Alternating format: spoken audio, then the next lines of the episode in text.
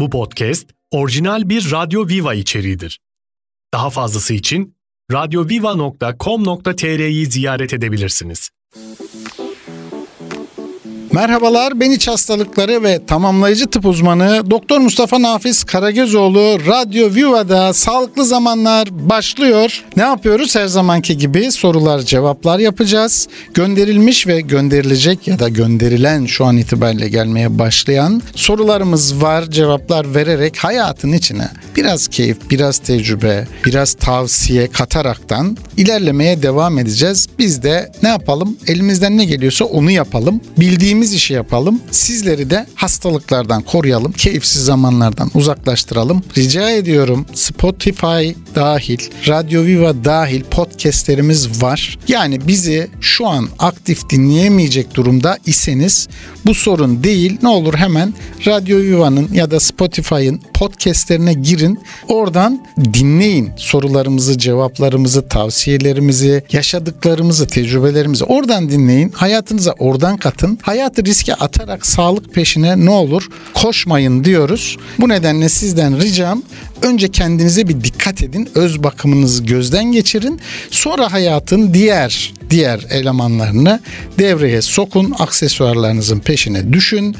Ne yapın? Twitter'dan, Facebook'tan, Instagram'dan, et Radio Viva'dan bize ulaşın ya da özelden göndermek isteyenler her zamanki gibi Instagram'dan et dr nafiz karagözoğlu adresine sorularınızı atın. En kısa sürede cevaplamaya çalışalım. Evet yayına başlarken sesi duyduğunuz üzere mesajlar gelmeye başladı. İlk sorumuz bir dinleyicimiz şöyle sormuş. Bizim bir yıldır çocuğumuz olmuyor. Doktor takibindeyiz ama eşim sigara içiyor. Adet görürken bile bırakmıyor. Çok fanatik bu konuda. Sigara içmesi gebe kalmasını engeller mi diye sormuş. Çok güzel bir soru. Günlük hayatımızın içerisinde çok sık rastladığımız bir süreç. Sigara e, bir ürün içerisinde neler var neler yok her defa yeni şeyler keşfediliyor. Düşünebiliyor musunuz? Bir ürünün sürekli içinden bir şeyler çıkıyor bir paket düşünün. Sürekli içinden o sihirbaz paketleri gibi bir şeyler çıkıyor. Sürekli çıkıyor. Dolayısıyla var olan bilgilerle vereceğimiz cevaplar var, veremeyeceğimiz cevaplar var. Bu nedenle ne yapıyoruz? Diyoruz ki ya biliyoruz sigara birçok hastalığa neden oluyor. Kullanan kişilerde de o çocuk sahibi olmayı olumsuz etkileyebilen şeyler var mı? Bir kere bunu bireysel olarak bilmenize gerek yok. Böyle bir durumda bedenin normalleşmesinin peşine düşelim. Normal olmayan süreçlerimizi ya da işte hobilerimizi ya da kendi keyiflerimizi günlük hayatta sık yaptığımız, tek yönlü yaptığımız şeyleri tavsiyeler üzerine bir kere bir kenara alalım, bir erteleyelim, bir öteleyelim. Neden? Hangisini daha çok istiyorsunuz karar verirsiniz hayatınızda. Ona yönelik de gereğini yaparsınız. Çocuk sahibi olmak istiyorsanız tabii ki bir sigara içicisinin sigarayı bırakması nefis bir tedbir olur. Çünkü onun bireysel özgürlük alanı, bireysel karar verme alanı dilerse yine kendi dileği için bundan e, vazgeçmesi bizim açımızdan hekim olarak söyleyeyim tabii ki tavsiyemiz, beklentimiz, umudumuz. Bu nedenle daha sorumluluğunu almak istediğiniz o canlı için şimdiden fedakarlık yapmıyorsanız sonra yapacak mısınız? Bunları düşünün lütfen. Neden? Çünkü bu da sizin sorumluluğunuz. Bu doktor tavsiyesi falan değil. Bu sosyal muhabbet aslında. Günlük hayatınız isteklerinizi erteleyeceksiniz. Çünkü çocuğunuz bir numaraya yerleşecek günlük hayat önceliğinde. E bunun için hazır mısınız? Bu bireysel bir karar neticede. Bunu da bu vesileyle lütfen düşünün. Tabii ki tetkiklerinizi yaptırın. Direkt yani her şeyi sigaraya bağlıyor modunda algılanılmasın. O bedenin elden geçirilmesi lazım. Tiroid fonksiyonları, kan sayımları, rahim yapısı, sizlerin işte sperm yapınız, yumurtanın yapısı çok değişken olan bir süreç infertilite, çocuk sahibi olamama. Bu nedenle her süreci, bilinen her süreci normalleştirmek, düzene sokmak için vazgeçmeniz tavsiyemizdir. Evet Doktor Nafiz'le Sağlıklı Zamanlar bir soruyla daha devam ediyor. Dinleyicimiz ne demiş? Annem 12 yıldır tansiyon yüksekliği için ilaç alıyor. Aspirin ilacının tansiyonu düşürmediğini söylüyorum. Bana inanmıyor. Aspirin bana yeter diyor. mide kanaması geçirir diye korkuyorum. Aspirini de içmesin desem yanlış yapmış olur muyum? Evet ortalık biraz karışmış. Bir tansiyon yüksekliği tespiti var. Yıl tarifi var. Var ama aspirin bir tansiyon düşürücü ilaç değildir. Burada ismi söylememizdeki ana hedef aslında ürünün ötesine geçmiş birçok içinde asetilsalsilik asit dediğimiz olan ilaçların tamamına neredeyse böyle isim veriliyor. Bu nedenle bunu burada tanımladık ama bir kere kan sulandırıcı diye tabir edilen özelliklere sahiptir aspirin. Evet tabii ki mide kanaması, o ve benzeri non-steroid antiinflamatuar ilaçlar dediğimiz tıbbi karşılığı ağrı kesicilerde beraber mide tahrişi, mide kanaması yapabilir mi? Evet yapabilir. Burada kullandığımız dozlar da çok önemlidir. Kişiye göre, kilosuna göre, altta yatan diğer hastalıklarına göre bu miktarlar belirlenir. Ama sizden ricam şu. Gerçekten annemiz burada bir direnç sergiliyor. İnadın kendisi yüksek tansiyonun sebeplerinden biridir. Hipertansiyon yüksek gerilim demektir. İnat da bir gerilim alanıdır doğrusu. Bu nedenle kişinin kendini hasta kabul etmesi başka bir şey. Hangi tedavinin kendisine iyi geldiğini düşünmesi başka bir şey. Bir de şimdi bizim yaptığımız gibi bu ilaç tansiyon düşürücü etkiyle kullanılmıyor. Ama yüksek tansiyonda pıhtılaşma söz konusu olmasın diye kanın pıhtılaşma miktarını, özelliklerini azaltan, hafifleten özelliklerde kullanılsın. O dozlarda kullanılsın isteriz. Hem hipertansiyon var hem yüksek doz ki ne kadar kullanıldığı burada anlatılmamış. Yüksek doz kullanımı sadece mide kanaması yapmaz aslında. O tazikle beyin kanaması yaparsa ne yaparız? Değil mi? Felç olmayayım diye kendinizi felç sonucuna götüren bir uygulama içindeyseniz sizden ricam şu bakın tekrar başında da söyledim. Her işi bileninden e, öğrenin, bilenine teslim edin, ehliyetlisine inanın. Tabii ki kendinizi koruyun, kollayın. Bu anlamda kontrolü elden bırakmayın. Kendi bedeniniz ama yani kendinize güvendiğiniz kadar da bence bir doktorunuza güvenin. Aile hekimini seçin. Bir bakın, inandığınız, güvendiğiniz bir doktor bulun. Bu iç hastalıkları uzmanı olur, tansiyon adı varsa kardiyolojiyle başlayabilirsiniz. Sizin güven alanınız ne ise orada bir doktor eksik. Bize bu konuda başvuran bütün hastalarımıza önce baştan aşağı bir değerlendirme yapıyoruz. Bu hastalık ne kadar süredir var, nerelere zarar vermiş bunları tespit etmeye çalışıyoruz. Günlük hayatını düzene sokarken, ilaçları düzene sokarken bu inatçı hastalarımızdan da inadını kırması için neler yapması gerektiğini anlatıyoruz onlara e, bir önceki hastamızın dediği gibi yaşam koçluğu yapıyoruz orada hastalarımıza. Neden? Bu sadece bir reçetenin düzeltebileceği bir süreç değil. Beslenme de dahil buna, uyku da, meslek de dahil buna, ruhun kontrolü de dahil buna. Yüksek gerilimi yaratan her şey. İşi sadece tuza atıp sahneden uzaklaşamayız. Konu bu değil çünkü. Bütünü değiştirmezseniz sonuçlar değişmez. Sizden ricam annenizin elini öpün. Anne deyin seni benim kadar seven bir doktora götüreceğim. Bir doktorumuzla yola çıkın. Süreci başlatın. Evet Doktor Nafiz'le Sağlıklı Zamanlar Radyo Viva hayat devam edecek. Her güne yeni bir şey katacağız. Hocam yaşam koçum oldunuz. Hem şikayetime iyi geldiniz hem hayatıma bu nedenle bir konuda daha tavsiyenize ihtiyacım var diyerek başlamış dinleyicimiz. Evet, teşekkür ediyorum her şeyden önce başlamadan önce.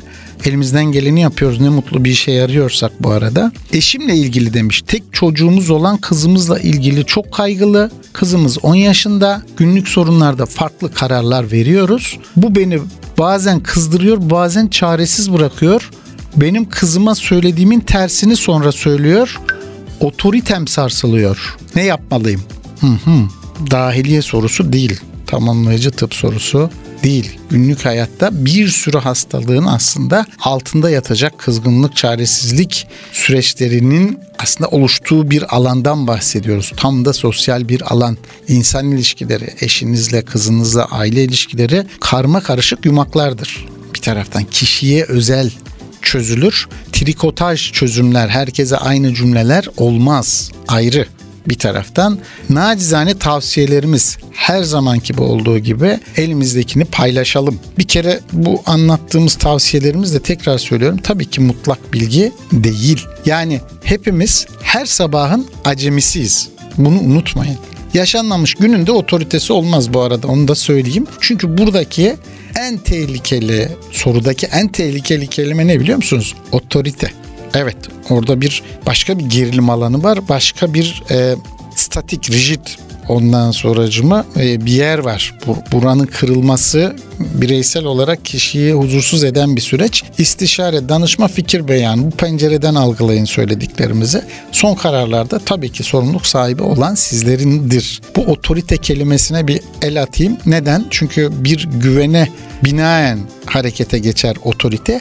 Diğeri sizi güven kaynağı olarak tanımlar ve bu size hakimiyet emretme kudreti, yaptırım koyma gücü sağlar. Kelime anlamı bu. Otorite. Şimdi dönüp baktığında eşin desen de ilk kez kız çocuk yetiştiriyorsanız her gün acemilikle başlanıyor ise hiç kimsenin net kızınız için bir otorite olma ihtimali teknik olarak yok. Doğru mu? Yani gözden geçirelim söylediklerimizi. Bu nedenle otorite olmanın peşine düşmemek lazım. Ayrıca Eşin tabii ki bir kız çocuk olarak büyüdü. Tabii ki bir şahsi deneyimi var. Yani aslında senden daha fazla bir hissetme potansiyelinde. Tabii ki senin hassasiyetin, ilgin, gayretin o da bir kenara koyduk ayrı. Ama burada önemli olan hanginizin deneyimli, güçlü, haklı olması filan da değil doğrusu.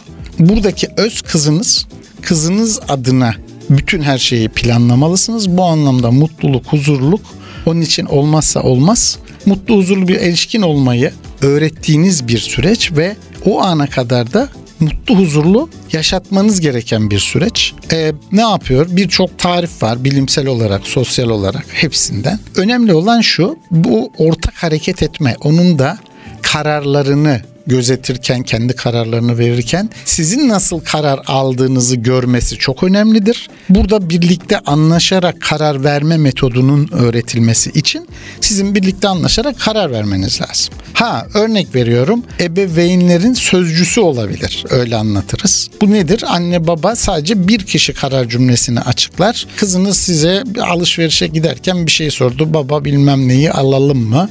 Çok istiyorum. Bir annenle konuşalım. Geçenlerde bahsetmişti. Ona göre karar verelim diyebilirsiniz. Babanla konuşalım diyebilirsiniz. Ya da tekrar söylüyorum size ait bir çözüm yolu çocuğunuzun da düzenli bu konularda her defa karşılaşacağı bir yöntem geliştirebilirsiniz. Bütün bunları kenara koyun. Bakın sevgi tüm sorunları tamir eder ama yeterince sabretmek kaydıyla. Bu nedenle kendi çözümünüz için bu bana sorduğun sorunun aynını hemen otur eşinle de konuş ve size özel çözümünüzü oluşturun. Keyifli, mutlu, huzurlu ömürler. Doktor Nafiz'le Sağlıklı Zamanlar devam ediyor dinleyici sorularıyla tabii ki. Annemin zayıflaması oldu, ishalleri oldu. Terledi. 3 haftadır sıkıntıdayız. Kanser diye çok korktuk. Bir sürü tetkikler yapıldı. Sonunda tiroidi çok çalışıyor dediler. Dedemin de zehirli guatırı varmış. İlaç verdiler. Bir yanlışlık olabilir mi? Hmm. Aslında şöyle bir kere tahlil falan göndersen daha net anlatırız ayrı ama normalde tiroid bezin çalışmaları bu şikayetleri yapar mı? Anormal çok çalışması yapabilir. Böyle bir başlangıç olmuş olabilir mi? Olabilir. Bu nedenle hipertiroidi dediğimiz tiroid bezinin çok çalıştığı durumlar söz konusu ise ilaç verirler. E bu bir testle yapılmış ise mutlaka tekrarını yaptırırız hakikaten ilacı verirken bu tiroid çalışmasını yavaşlatalım ki deriz. Bütün metabolizmayı yavaşlatsın. Çünkü tiroid her zaman anlattığımız gibi orkestra şefidir. E, bu anlamda beden tiroid çalışmazsa ya da çok çalışırsa farklı yerlere belirgin olarak gider. Belirgin şikayetleri kişilerin olur. Bu nedenle e, yine sindirim sisteminin çok çalışması söz konusu olup ishal olmuş olabilir. Zaten yüksek metabolik hıza çıktığından zayıflama beklediğimiz şeylerden bir hiper tiroidide çok terler kişiler zayıflayabilir. Çünkü harcadığından daha az yiyor olabilir ya da harcadığı çok daha fazladır yediklerinden. Tabii ki kanser bu anlamda şikayetler olduğunda korktuğumuz önemli konulardan bir tanesidir. Aksini ispat edene kadar ona yönelik tedbir planımız olabilir. Bu konuda bize başvuran hastalarımıza da aynı usulle yaklaşırız. Aksi ispat edilene kadar bir kanser mi diye de sorarız. Ama hipertiroidi çok sık gördüğümüz bir süreçtir. İlaçlarla da iyi olur. En az 3 hafta mutlaka ilaç kullanılır. O şikayetler gerileyip gerilemediği takip edilir. Ona göre de tetkik sonrasında da ilaçlar yeniden gözden geçirilir. Şimdiden şimdiden ne olacak? Şifa olsun diyeceğiz, geçmiş olsun diyeceğiz. İyi olacak inşallah. Sağlıklı Zamanlar Radyo Viva'da devam ediyor dinleyicilerimizin sorularıyla bir kabızlık sorusu var. 6 haftadır kabızım, yemediğim kayısı, içmediğim yaprak çayı kalmadı. Acayip canım yanıyor, makatım acıyor, tuvalet beni artık korkutuyor. En son tuvalet kağıdına pembe kan bulaştı. Kanser mi oldum? Hmm. Şimdi aslında yaşı söyleseydin, kilo tanımlamasını da söyleseydin bizim için önemliydi bu. En sık rastladığımız şikayetlerden biridir kabızlık. Tabii ki zorlu dışkılama, sert dışkıyla beraber olursa direkt makatın iç yüzeyi zedelenebilir çok kolay oradan kanama olabilir. Hemoroid dediğimiz makat bölgesi varisleri ortaya çıkabilir. Bütün bunları bir arada değerlendirdiğimizde bu anlattığın ihtimallerden bir tanesi oradaki bu tahriş ya da hemoroide ait farklılıklar olabilir. Yine o bölgeye ait bu pembe kanı neler doğurur? Fistüller, fissürler olabilir. Bunları bir görmek lazım. E, kabızlık sebep olarak mı, sonuç olarak mı karşılaştığımız bir durumdur. Ona bakmak lazım. Tabii ki kanser bu anlamda önemlidir.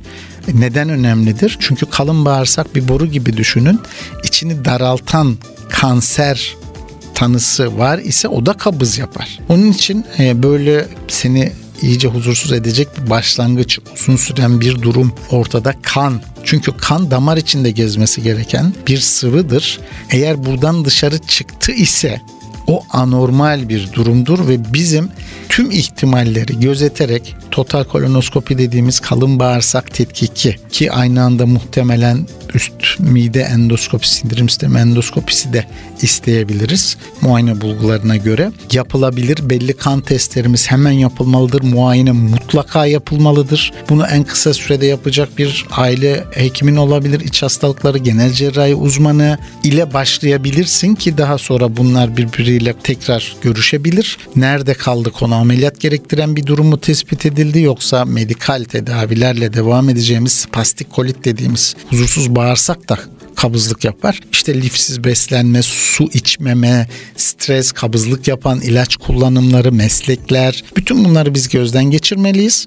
O anlamda da hemen sen mutlaka bu eksikleri yerine koy. Lifsiz besleniyorsan, hamur yoğun besleniyorsan bunları düzene sok. Kabızlık çünkü dünyada pandemi dediğimiz süreçte o yaygınlık nedeniyle denmişti ya bu kabızlık pandemisi diyebiliriz. O kadar yaygın görülür çünkü. Bu nedenle e, sofrana zeytinyağını mutlaka ilave etmelisin. Eline karnını ovalamak, hareket etmek rahatlatacaktır. Beraberinde karnına sıcak su torbası aksi tanımlanana kadar konulabilir. Özellikle sakız çiğneme de çok bir kabızlık sebebidir. Hava yutarsınız. Bağırsağınız bu anlamda yorulur ve sonuçta yorulduğu için içinde bekleyen dışkının sıvısı çekildiği için de yine kabızlık sebebi olabilir.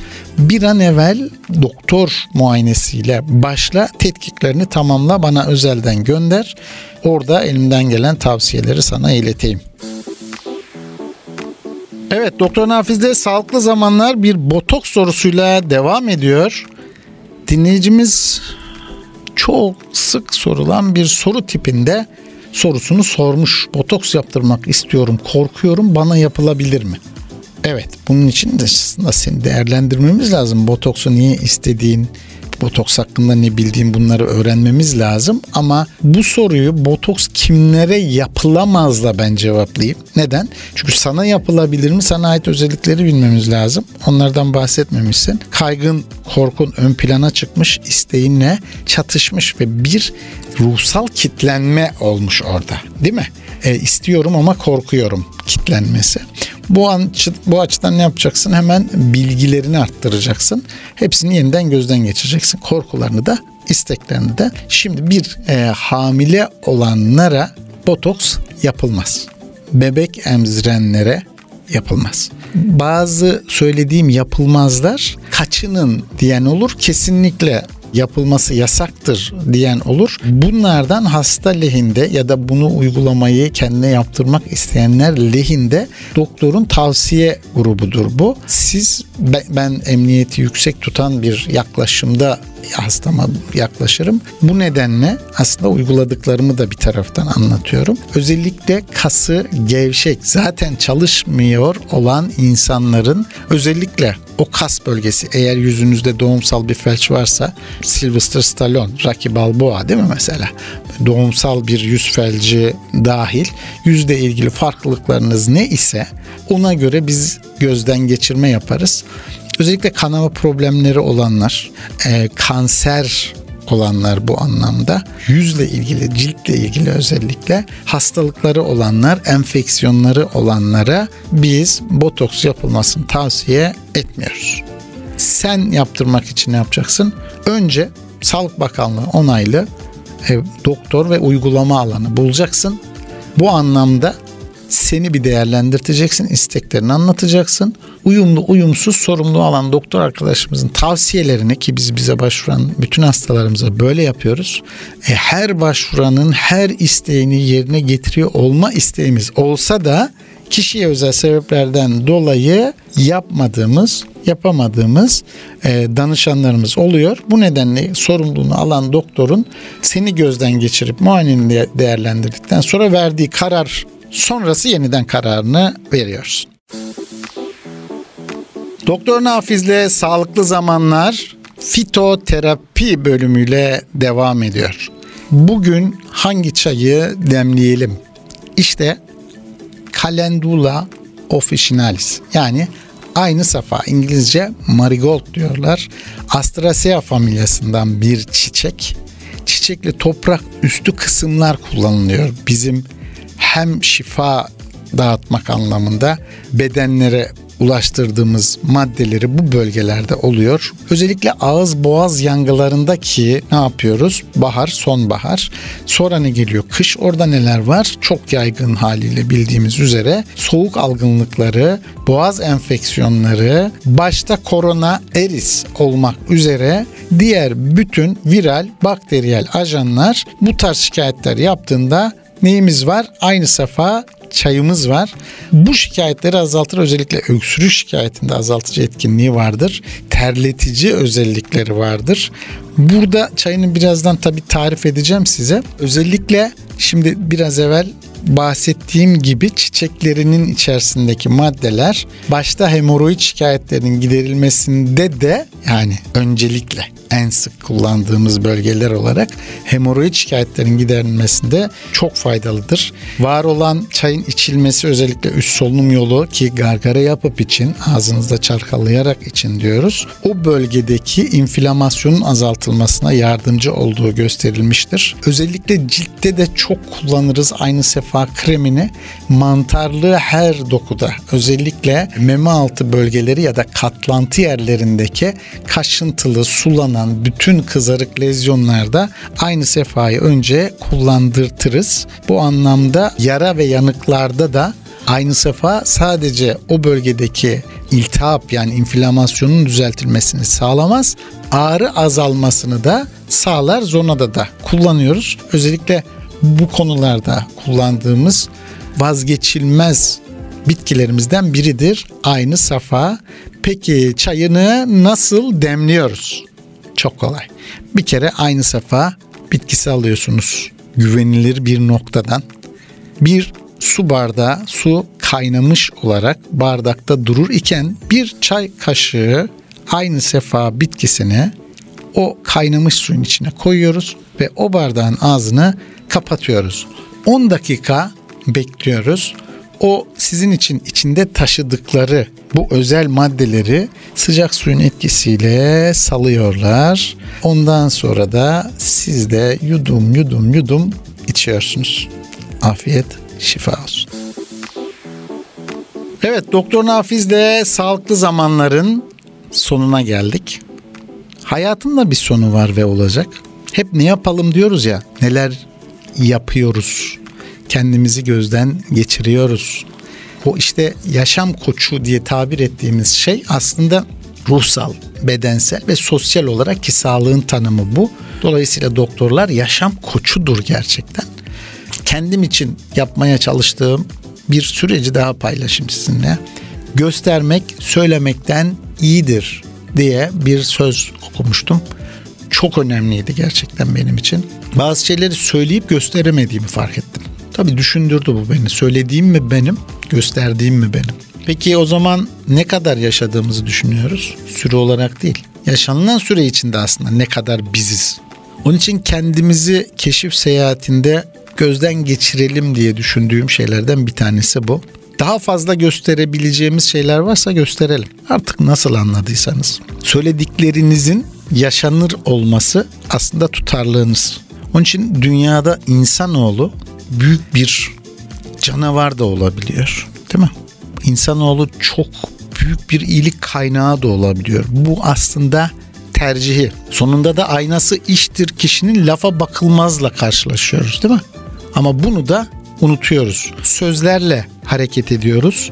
Çünkü sözlerle programlanıyoruz. Diğerleri yapmak istediklerini sözlerle aslında bize yaptırtıyor. Peki söylediklerinin ne kadarı gerçek, ne kadarı doğru, ne kadarı kendi? Eskiler öyle demiş. Aynası iştir kişinin, lafa bakılmaz. O zaman yaptıklarımız gerçek, söylediklerimiz belki umudumuz, belki isteğimiz, belki tuzağımız değil mi? Ama gerçek olan aslında ürettiklerimiz. Onun için gerçekliğiniz kadar üretin, ürettiğiniz kadar gerçek olun diyorum. Bir sonraki programa kadar kendi kendinizi tekrar bir silkeleyin istiyorum. Şifalarla, mutluluklarla, huzurluluklarla dolsun günleriniz. Hayırlısı olsun.